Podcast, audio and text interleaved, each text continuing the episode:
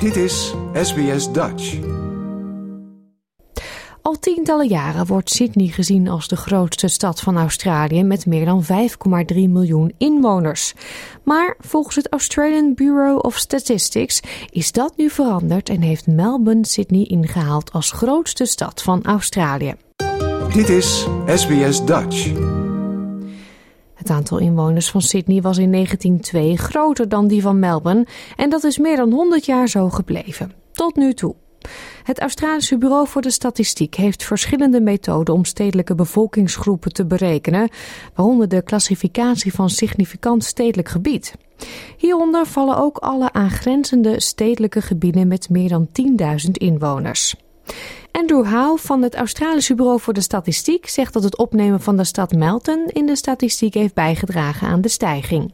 For Melbourne, uh, we have the the Melbourne's main um, suburban area, just we'll call that Melbourne, but also Melton, which is a, a growth centre in the west of, of uh, Melbourne, have actually combined to form one, what we call continuous or um, population uh, centre, and that's now higher than, than Sydney. In de buitenste westelijke regio's van Victoria is de bevolking in een periode van 10 jaar met ongeveer 60% gegroeid. Momenteel heeft Melbourne zo'n 5,8 miljoen inwoners, 19.000 meer dan Sydney. Volgens Howe is Melbourne gegroeid door zowel internationale als binnenlandse migratie. Migration is our key component here. So, yeah, population change is due to uh, migration, but also due to natural increased births minus deaths. Uh, now, the, the, over the past, say, 10 years, for if we want to compare Melbourne and Sydney, what we find is in terms of that overseas component of migration, Sydney's actually been a little bit higher than Melbourne over those those ten years, about half a million higher over ten years in terms of the net migration inflow from overseas. However, the key differential here for Melbourne and Sydney in terms of migration is its internal migration, the way people move in and out of those regions.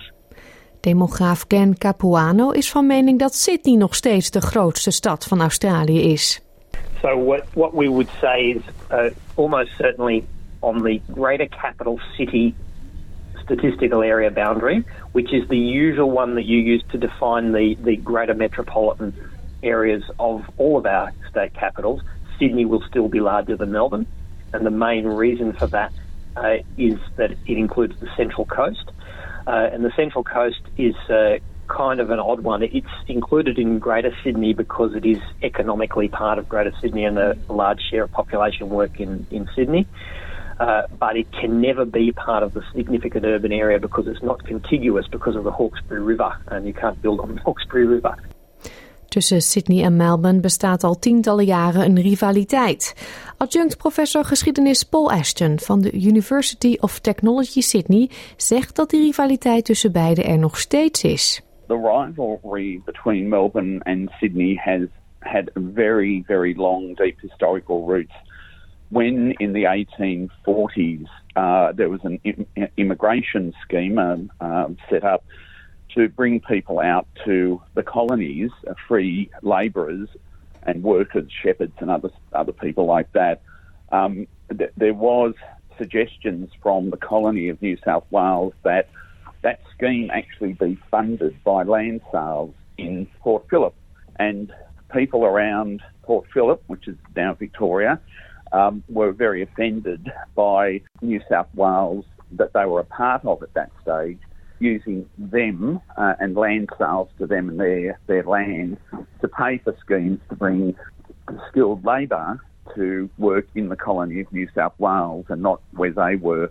So there are some very deep entrenched difficulties between the, the two colonies. Ja, en dat debat zal vast en zeker hier niet ophouden. Het was een verhaal van Ayman Baghdadi voor SBS Nieuws en door SBS Dutch vertaald in het Nederlands. Like, deel, geef je reactie. Volg SBS Dutch op Facebook.